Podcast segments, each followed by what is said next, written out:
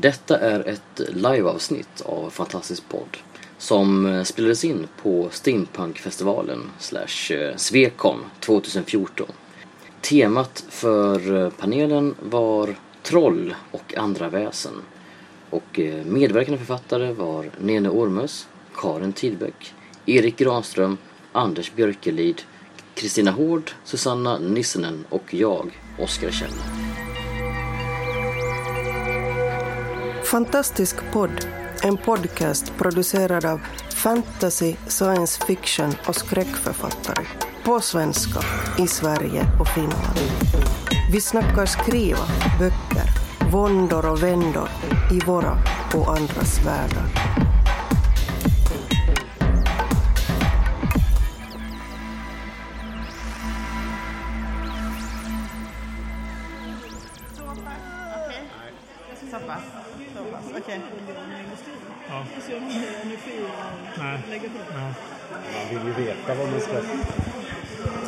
Sammanhanget. Då vill jag bara kolla, fungerar det här?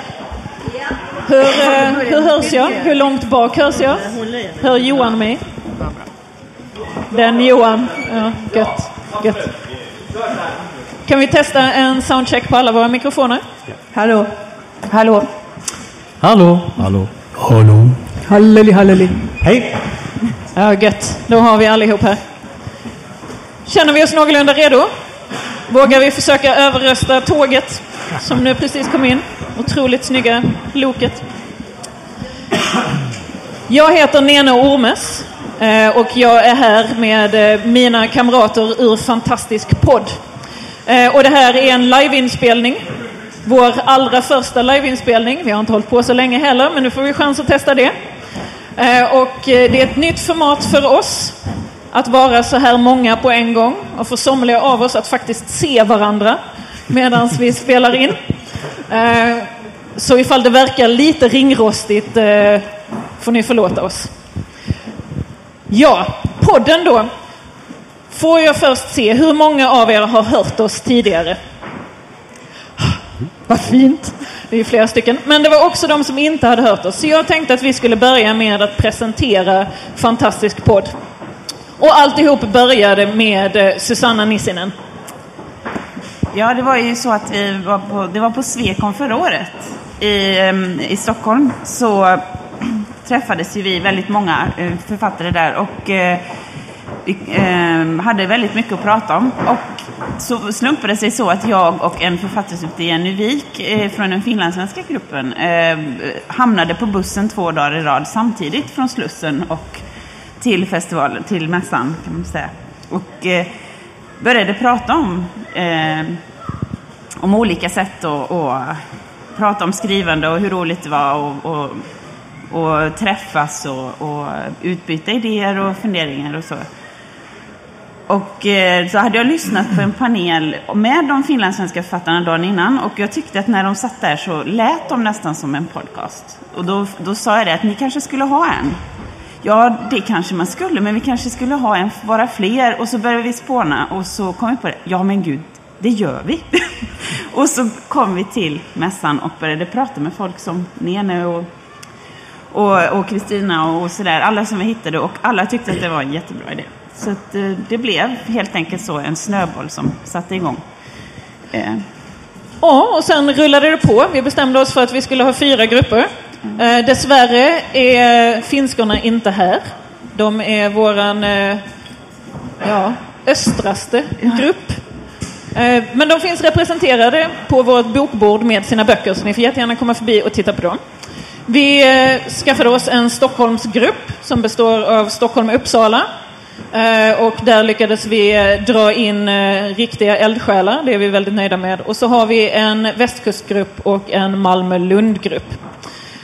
Och jag tänkte att för enkelhetens skull så presenterar jag de eh, deltagare av podden som sitter framför er. Och de får visa upp ett av sina verk. Och eftersom den här panelen ska handla om troll och oknytt och övernaturligheter så kommer vi också till att få höra lite kort om hur det förhåller sig i deras litteratur med just detta. Kristina, vad säger du? Ska vi börja med dig?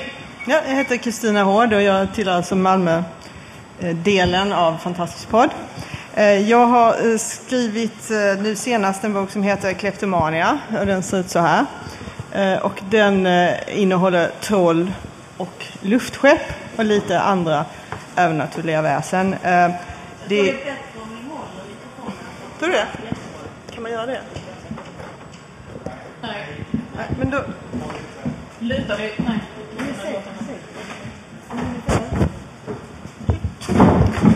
Oj, oj, oj. Ja, för våra lyssnare där hemma så tog scenen slut längst ut. Eh, och vi hade en eh, nära döden-olycka. Men vi klarade oss. Är det bättre nu? Okej. Jag har skrivit den här boken som heter Kleptomania. Den innehåller troll och luftskepp. Eh, med tanke på temat här på festivalen så är det väl ingen, det är ingen steampunk utan det är snarare en alternativ framtidssverige som det utspelar sig i. Så att den är väl lite mer modern. Trollen däremot är av det gamla slaget. Och Susanna? Ja, jag heter Susanna Nissinen och jag har skrivit en bok som heter Tom och den blå fågeln. Och eh, i den så eh, är det alltså huvudpersonen träffar på eh, väsen eh, från eh, folktron som lever parallellt i, i Stockholm. Oskar? Ja, jag heter Oskar Källner och jag har skrivit eh, Drakhornet och eh, Skogens hjärta. Och eh, just det här att eh, använda sig utav eh, fornnordisk mytologi och alla dessa sagoväsen som finns i den svenska sagovärlden som Näcken och Älvorna och Trollen och Lyktgubbar och alltihopa. Det, det var liksom själva idén faktiskt jag hade när jag, när jag skrev de här. Jag ville gå tillbaka till någonting som var äldre än eh, tolken Tolkien som annars kastade en så stor skugga, på gott och ont, över eh, fa- fantasygenren. Så jag liksom börja gräva i de eh, gamla barnsagor som jag eh, var så förtjust i som eh, liten och göra någonting eh, eget och nytt utav det. Erik? Ja, jag heter Erik Granström och jag skriver en serie. Eh, det här är tredje boken i en serie som börjar med den som heter Svavelvinter. Och jag ska nu skriva den fjärde. Det är väl renässans fantasy skulle man väl kunna säga. Baserat lite på Italien på 1500-talet. Jag har inte så mycket troll och knytt egentligen i den här, men däremot är jag väldigt intresserad av eh, magi så att säga från förr. Jag försöker snarare hitta tillbaka till hur tänkte folk på fenomen förut. Jag har en animistisk värld med levande berg och moln och vindar och sånt som folk interagerar med. Så det är väl så nära knytt jag kommer. Karin? Mm. Jag heter Karin Tidbeck och eh, en av de böcker som jag gett ut senast, Jagannath, är en novellsamling. Eh, där jag bland annat har jobbat ganska mycket med eh, knytt och väsen från Mellansverige och Västernorrland. Mest av allt de som kallas för de underjordiska eller vittror. Och de har jag jobbat både med att lyfta ut direkt från folklore men även att stoppa in dem som eh, pseudodokumentära varelser. Och Anders? Jag heter Anders Björkelid och eh, jag har skrivit en serie på fyra böcker som heter Berättelsen om blodet och eh, den jag håller upp, ni ser inte det ni som lyssnar hemma, Frostskymning som är den sista i den delen. Och eh, jag är uppvuxen eh, i en miljö där jag har nästan samlat på folktroväsen som frimärken. Eh, och när jag skrev de här böckerna så ville jag ha ett förhållande till den svenska folktron som om den skulle kunna ha berättats i mina böcker. Som om de sägner vi har här i vår verklighet också skulle kunna ha berättats här. Men verkligheten bakom dem är delvis en annan. Ja, till att börja med finns de. Tror jag inte de finns här, hoppas jag. Ja, och jag heter Nene Ormes. Jag skriver Urban Fantasy. Det där är bok nummer två som heter Särskild. Och mina premisser är att jag har tagit de gamla folkmyterna och folktron föreställt mig att det har handlat om riktiga människor med extra förmågor eh, och sen har jag dragit dem till våran tid för att se hur de förhåller sig till våran värld. Och det är en kort presentation av oss. Så gott folk, varför stoppar ni in troll och knytt och eh, animister i era böcker? Karin? Jag organiserade ett live. Ja, det är ju mycket som börjar med rollspel. Ja, Hur det- många rollspelare har vi i panelen? Ja, vi är väl representerade. Ja, alltså det, det, allting, allting gick liksom utför i och med rollspelandet. Eh, men en av de saker som några av de här novellerna tog avsvamp i att jag organiserade ett live som var ett slags bizarro skräck fantasy live med eh, bland annat ett hov med eh, otäcka, lite halvpsykotiska sociopatvittror. Du kände att vittror behövde vara mer sociopatiska? Ja, som bland annat spelade Köttkrocket. Eh, och de har liksom letat sig in i den här berättelsen. Så det, det är ju en av orsakerna. Det var Köttkrocket som gjorde det? Det var Köttkrocket. Live och Köttkrocket. Jag vet att eh, Erik också har eh, rollspelsbakgrund. Var Ja. det där det började för dig? Eller var det Ja, det får man nog säga. Alltså, mina romaner kommer ur min rollspelsvärld som jag höll på med på 80 och 90-talen. Drakar och Demoner. Den är säkert några av er spelat. Så att absolut. Men sen för den här frågan som du ställde om, om eh, hur man förhåller sig. Vad var frågan? Jag glömde bort. Hur kommer det sig att ni har det? Jo, alltså... Troll, knytt och animister. Animister i ditt fall då? Ja, nej, ibland hör man ju den här diskussionen mellan varför skriver du inte något som är riktigt? Jag vill inte läsa om sånt där som är påhittat. Men jag tycker det, det är för enkelt. Alltså, jag tycker att, att, att säga, konstruera någonting eller ta upp gamla sätt att se på det är bara ett annat perspektiv på det vi, det vi har. Alltså, det är ett annat sätt att se på saker och ting och kanske renodla någonting som man vill undersöka. Det, det är så att säga någonting som fantastik är väldigt bra till, tycker jag. Anders? Jag kan också knyta mig till rollspel men, men för min del så har just det här med skrömt och knytt, det kommer från andra hållet. Det är det som ledde in mig i rollspelsträsket. Eh, redan när jag var liten så var jag väldigt fascinerad av allting som folk har trott på som inte finns. Och det är fortfarande någonting som jag, jag kan inte släppa det. Så fort det är någonting som folk verkligen har trott har funnits men som vi då kan förutsätta inte finns. Och då, då dras jag till det. Om det nu handlar om tron på ett perfekt byråkratiskt samhälle eller vittror under trappan. Kristina, jag vet att du har någon sån historia du också. Ja, ehm, jag tror faktiskt mitt började med släktforskning, vilket en del av mitt skrivande tenderar att göra av någon anledning. Eh, jag fick i alla fall lära mig att jag har en eh, morfars morfars morfars far eller vad det var som var orakel i Båstad. Så han kunde tala om framtiden och sånt och bota sjuka och lite sånt. Och hans dotter och dotterdotter, de eh, hade ihop det med trollen på Hallandsåsen. Eh, de eh, bytte saker med dem och eh, den yngsta då, eller dotterdottern, Klacka-Johanna, hon, eh, hon fick lov att använda trollens tunnel genom Hallandsåsen. Och det är inte Rocka-Kill-tunneln utan det är den andra tunneln som finns där sedan innan. Som kunde, eh, jag- fascinerades av att det fanns- det fanns en värld som hade varit högst verklig, i alla fall för de människorna. Så att eftersom jag bor i Lund och man har etnologen och alla arkiven där så var det ganska lätt att börja gräva om troll och sånt. Så att, eh, det var så jag kom in i det och jag fascineras av att trollen kommer från någonting som är äldre än vår tid, liksom vår kulturen, Den är, den är innan kristendomen, innan synden, innan allting. De är, de är ursprungliga på ett annat sätt och det kanske säger oss någonting om oss som människor. Oskar? Alltså för mig personligen vad det gäller mitt intresse för småknytt, det kommer ju från min barndom när jag läste jättemycket sagor, eller fick läst för mig sagor. Eh, det var sån här som Pojken som inte var rädd, eh, som åt ikapp med jätten och det var- ja, alla de här. Eh, jag hade en, en samling av, vad heter de, Min, skattkammare tror jag de hette, med massa eh, så här sagor stående i bokhyllan som jag ofta läste. Och sen också, jag växte upp i Jönköping och eh, eh, stan är lite, grann- lite grann som ett hål nere och så är det gröna bergkullar omkring. Så vart man än gick så, bara man höjde blicken så såg man liksom de här eh, kullarna. Och då, ganska ofta då som liten tänkte jag att nej, men där inne bor nog trollen, där inne bor nog jättarna. Och det var också vid Visingsö, det stod en stor, stor staty av uh, jätten Vist vid, vid Vätterstranden. Och så när jag berättade då att nej men en gång till så, så var Vist liksom på fylleslag med några jättevänner uh, borta i ett berg på ena sidan Vättern. Så skulle de gå hem och, och frugan var full så han ryckte loss en bit och kastade ut det och så de kunde kliva över Vättern och använde Visingsö då som en liten, liten pall där och stå på mitt ute. Alltså sådana här grejer sätter sig liksom i hjärnan. Och en annan grej också med, med, med Jönköping är ju att eh, det är därifrån som John Bauer kommer.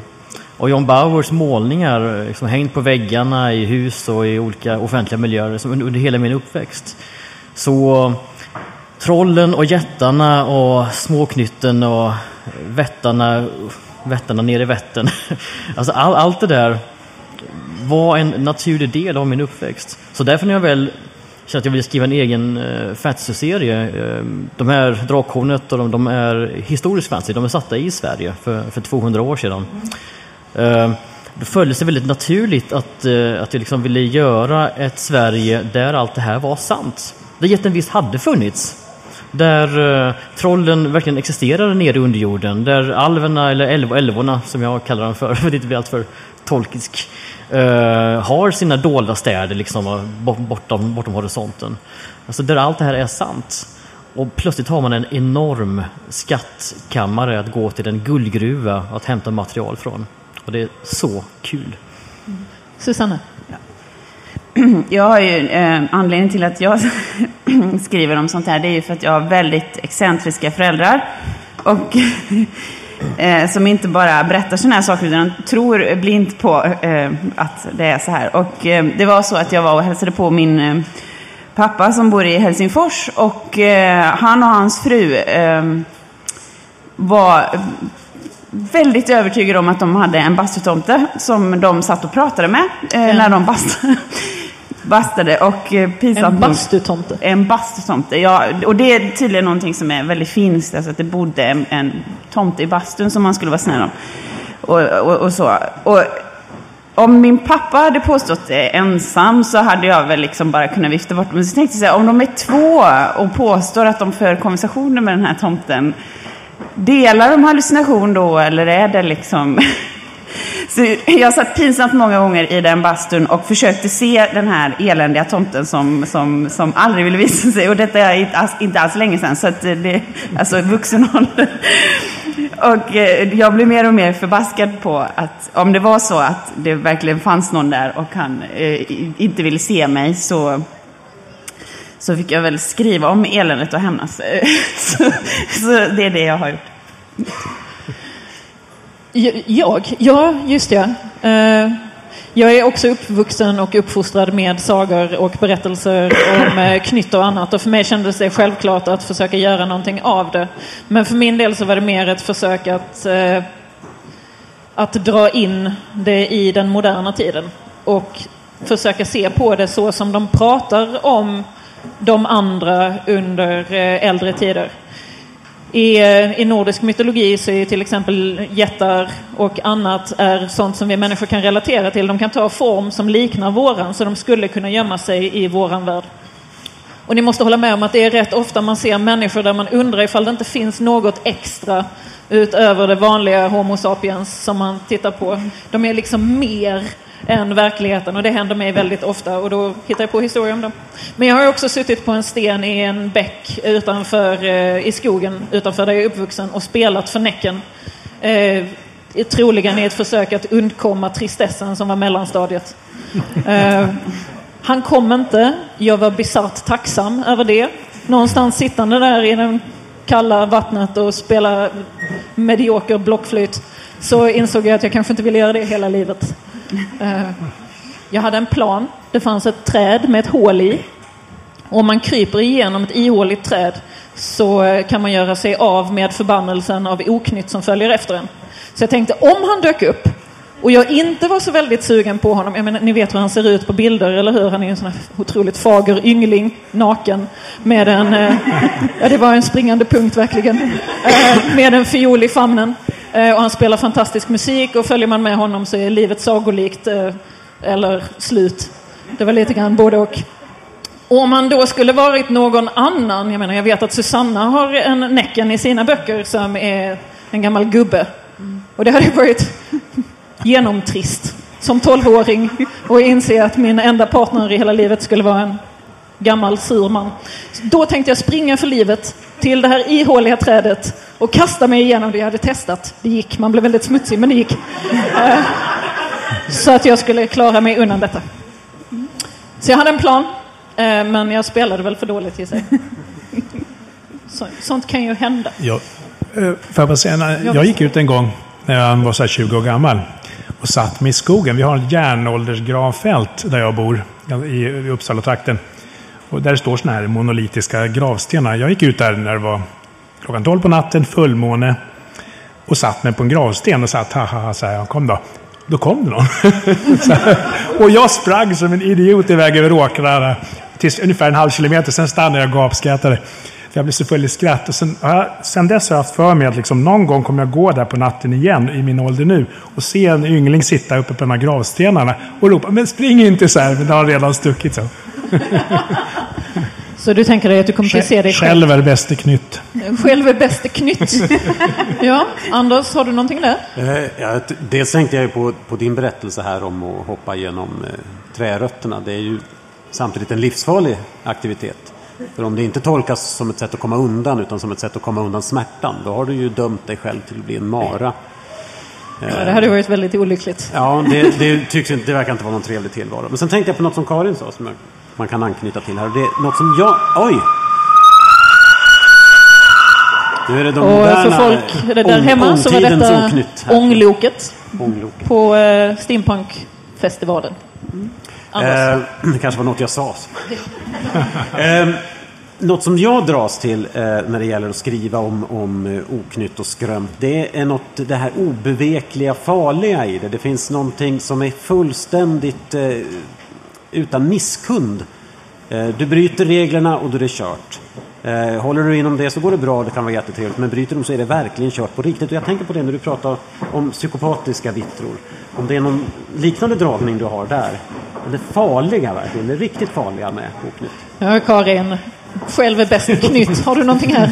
Hon gnuggar ja. händerna. Ja, alltså det som fascinerar mig mest med eh, oknytt, eh, om man tittar på både folksagor men också faktiska anekdoter eh, från folk som säger att de själva har sett eh, diverse varelser så är ju att det hela tiden återkommer det här det obevekliga, det otäcka och den här känslan av att de har ett helt annat sätt att tänka än vad vi har som vi inte riktigt kan förstå. De har väldigt specifika lagar och regler men som inte riktigt är förståeliga för en vanlig människa. Eh, och man vet att gör man ett övertramp där så kan man riskera, alltså då, då är det kört. Det är som du har två människor som är olika långa och som går i mitten av landsvägen. Så kan vittra komma och hugga av den ena för att de ska bli lika långa. Bara en sån sak. Jag vet inte riktigt hur man ska hantera det. Jag har sådana extra inlägg i skorna. Ja, eller, eller gå med böjda knän. Ja. För att vara säker. Ja, ja, ja. När jag växte upp så, så, var jag jättenoga varje gång jag gick ut och kissade utomhus i, i um, ute vid, vid sommarstugor och sånt där. Att alltid varna vättar före. Är jag för långt borta? Eh, alltid varna vättarna före. För om man, om man kissar på de underjordiska då är det ju liksom oj, oj, oj. Oh, oh, oh. Fast det är ju rätt olämpligt att göra på vem som helst känner jag. Ja, jo, men de, de flesta li, ligger ju inte under liljekonvaljen och håller käft när man går ut. Nej, det är ju också sant. Oskar? Ja, nej, jag tycker bara det är intressant just när jag tog upp det här med uh, den nästan, alltså, den nästan psykopatiska delen av knytten och dess obeveklighet. För det är precis det eh, som jag också gör i, i, i Drakhornet. Men en av mina huvudkaraktärer, Erik, lyckas ju såklart komma på kant med varelserna i skogen och blir också då fullständigt terroriserad av en psykopatisk kallhamrad, eh, jag tror inte jag sparar för mycket om jag säger det, det är en, eh, en version av Näcken som efter honom. Han vill helt enkelt bara ha ihjäl Erik, han ska bara dö. Och den eh, totala illviljan, den totala obön... Alltså, det finns inget slut på det. Man, vad gör man? man? man? kommer bara liksom inte undan. Och det, det, det ger en, en väldigt... Eh, tyckte jag var väldigt kul, dynamisk eh, katt och råtta-lek. Att, att, att, leka med, att, att använda de här eh, troperna av det obenhörliga knyttet. Jag tänker att vi allihop har eh, tagit knytt och gjort dem lite grann till våra egna också. Böjt dem i våra berättelser eh, och berättat nya saker om dem. Och somliga av oss har hittat på helt egna men hanterar dem som om de var knytt och passar in i våra historier. Jag är lite nyfiken, eh, Kristina, dina troll. Du kallar ju dem troll rakt av också. De kallas troll i din värld. Hur har du tänkt där? Ja, jag har ju utgått, det finns ju många olika bilder av troll egentligen. Så det finns olika sätt att se på dem. Som i Norge så är de ju stora och gigantiska. Det vet vi från filmen Trolljägaren. Eh, eh, så det finns olika versioner av vad troll är. Jag har utgått från den eh, som fanns bland eh, folk. Och jag har suttit och läst in mig på memorat som eh, förr i tiden så åkte unga män, studentmän iväg som läste etnologi ut på landsbygden och så ville de prata med folk och så frågade de har ni några spännande historier om det övernaturliga. Och då var det väl alltid någon som var extra bra på att snacka i socknen som tyckte det var jättekul att prata med en student som drog till ordentligt. Och de trollen som, som kommer fram i de här eh, personberättelserna, de, de, är ganska, de, de är hemska. Eh, men de är också... Nu åker tåget där ute. Eh, de, de är också väldigt lika oss.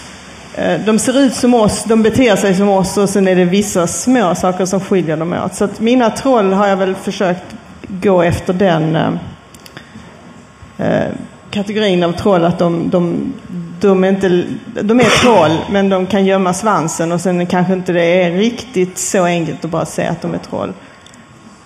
Så, så har jag hanterat det. Och, men de är de enda, de är de enda jag kallar troll. Alla mina andra väsen i, i, boken nämner jag inte vid namn för att det finns så många olika uppfattningar över Sverige eh, och i Norden om hur eh, ett skogsrå ser ut, hur troll ser ut eller hur ett, en vett eller en tomte. Så att eh, jag har tonat ner att benämna dem för folk har så många förutfattade meningar. Så jag, därifrån skapar jag mina egna sen.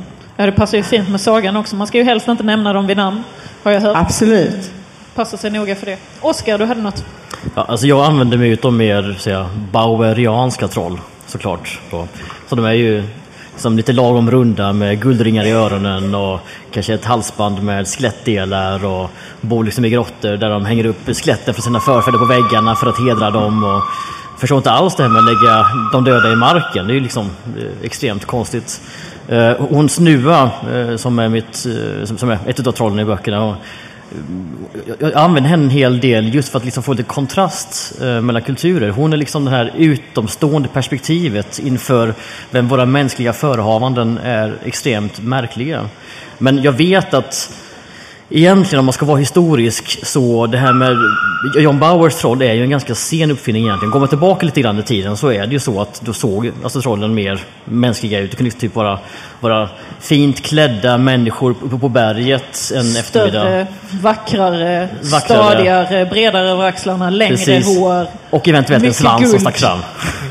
typ. Men annars så är det liksom var det mycket, mycket mer mänskligt. Men jag vill ändå ha det här bergatrollet liksom från min barndom så jag, jag tog det ändå. Jag känner ju lite grann att jag borde ha satsat på ett troll istället. Men det är ju med efterkrank, eftertankens kranka blekhet. Näcken, bortkastad tid. Karin, du hittar på egna knytt. Och uppfostrar dem i små krukor. Burkar till och med. Ja, bland annat. Hur kommer det sig? Tycker du inte att den nordiska floran räckte?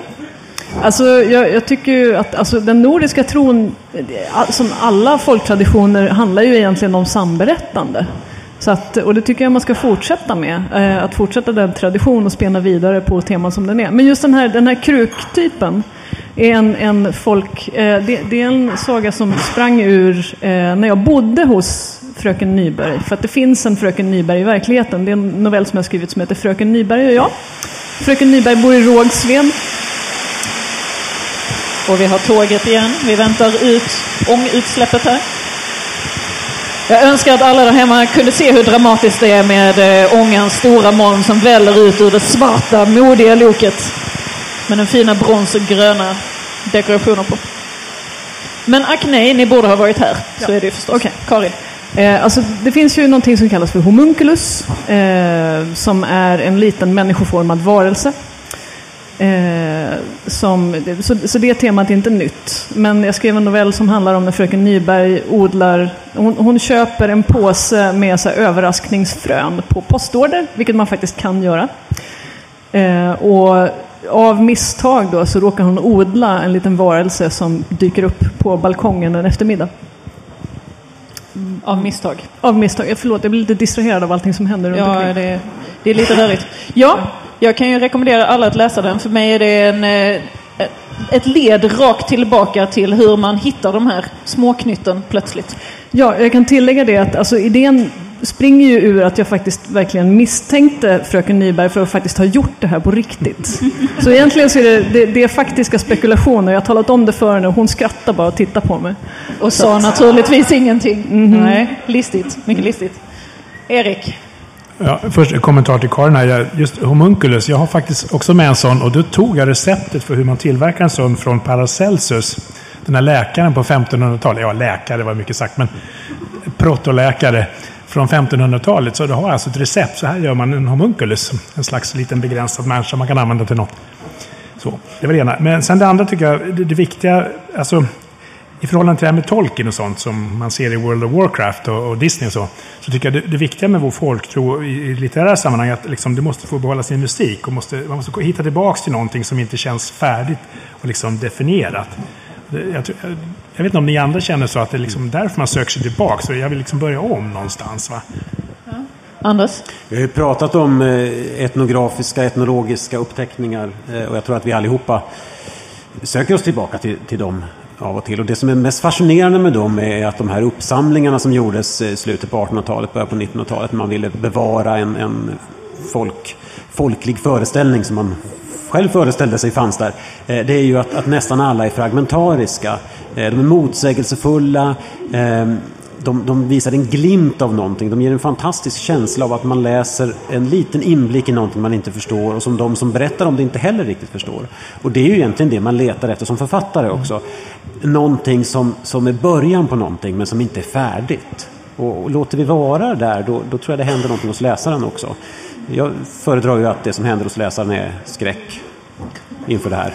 För det, är, det är allvarliga grejer. Kristina? Jag skulle också vilja säga att jag tror man kanske söker sig inåt i sig själv. För alla de här eh, egenskaperna som de här väsen har som inte är så tilltalande. På något sätt så finns det ju inne i oss som människor också. Det är vår eh, svarta sida, vår fula sida. Den som vi kanske inte riktigt vill kännas av. Men, men, men eftersom de här historierna är högst mänskliga och eh, var någonting som människorna drev och allting så, så, så finns det något mänskligt över också det här hemska. Så kanske är det att man, man också söker sig in i människan genom att använda de här väsena. Ja, det kan jag väl också hålla med om. Vi har eh, tio minuter kvar. Så vi kommer till att börja runda ner podcasten lite grann. Och sen så kommer det att finnas möjligheter för frågor. Så om ni har sådana, så tänk på dem redan nu. Oskar, du hade något. Jag tänkte bara säga en lite kul variant som jag läste ganska nyligen om eh, troll i, i modern setting. Jag läste en bok som heter Monster Hunter, glöm bort vad han heter nu, författaren. Men i alla fall, det handlar om en, en bunt de är ute helt enkelt och jagar monster. Och vid ett tillfälle så går de in och tar, gör ett beslag på någon okänd varelse i en källare. Då kommer ner och hittar ett troll som sitter framför typ 15 dataskärmar uppkopplad på en massa olika forum och skriver sviniga inlägg. så de, eh, de, de skjuter honom inte utan de plockar med honom hem till basen och hyr honom som IT-tekniker. Ja.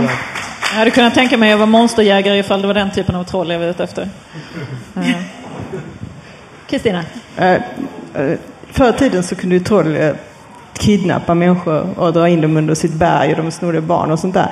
Eh, men det har ju lämnats över. Nu är det ju, det har franchisat bort sig utomjordingarna. Det är de som kidnappar. Trollen har flyttat till nätet.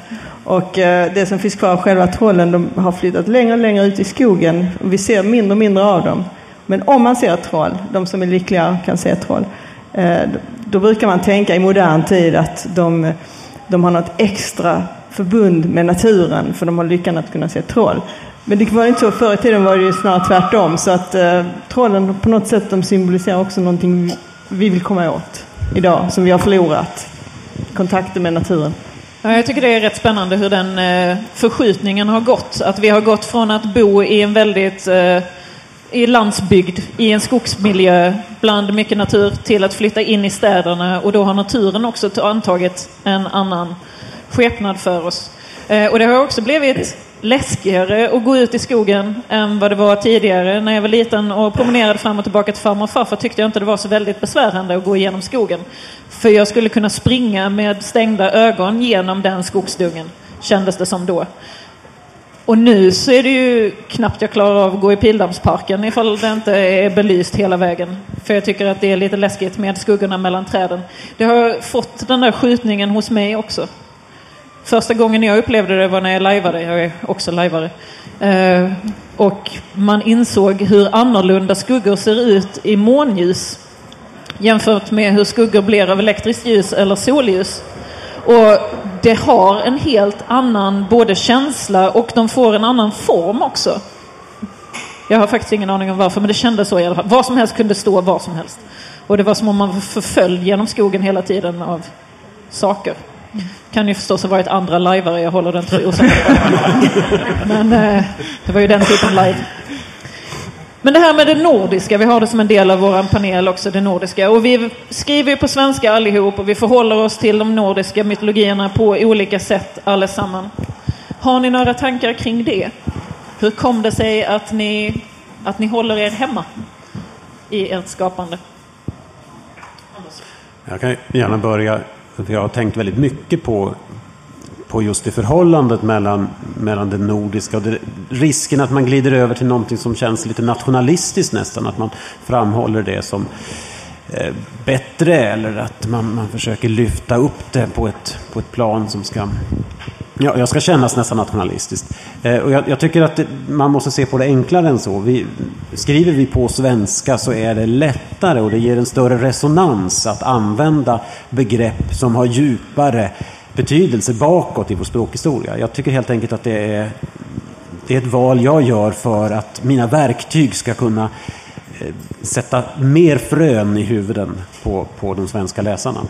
Eh, och jag tycker väl att, att fantasyn kanske har haft en tendens att vilja låna in det anglosaxiska arvet ganska stort.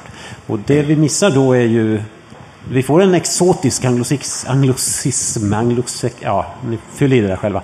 Um, men vi missar, missar den här resonansen i, i vad det svenska språket då ger oss. Mm.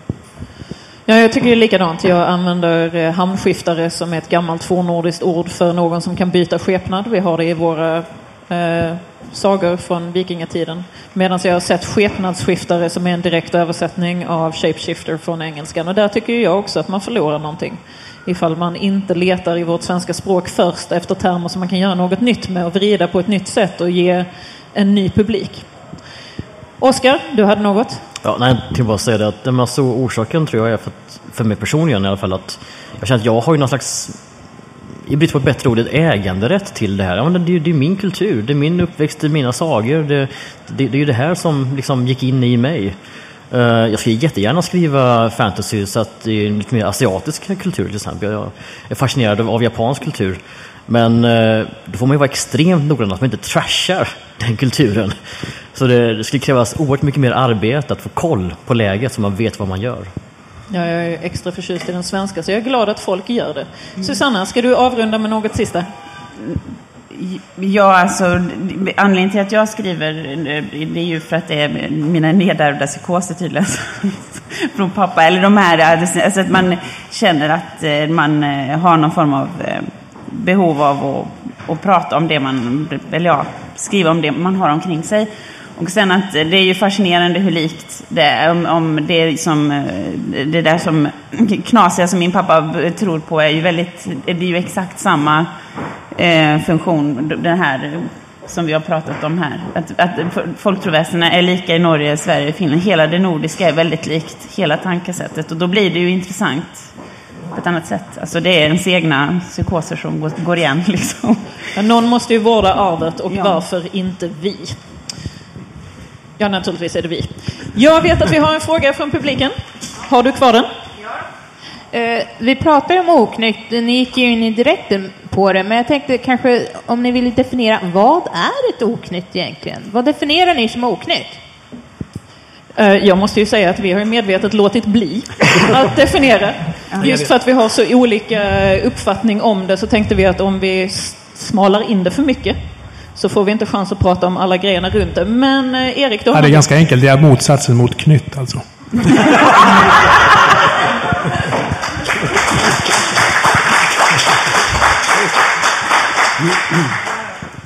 Har vi någon mer?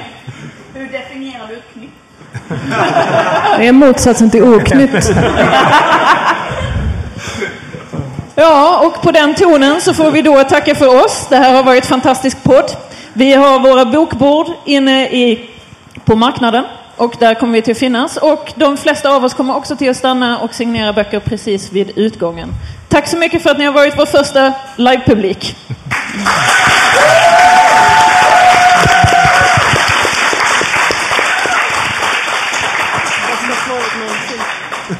you.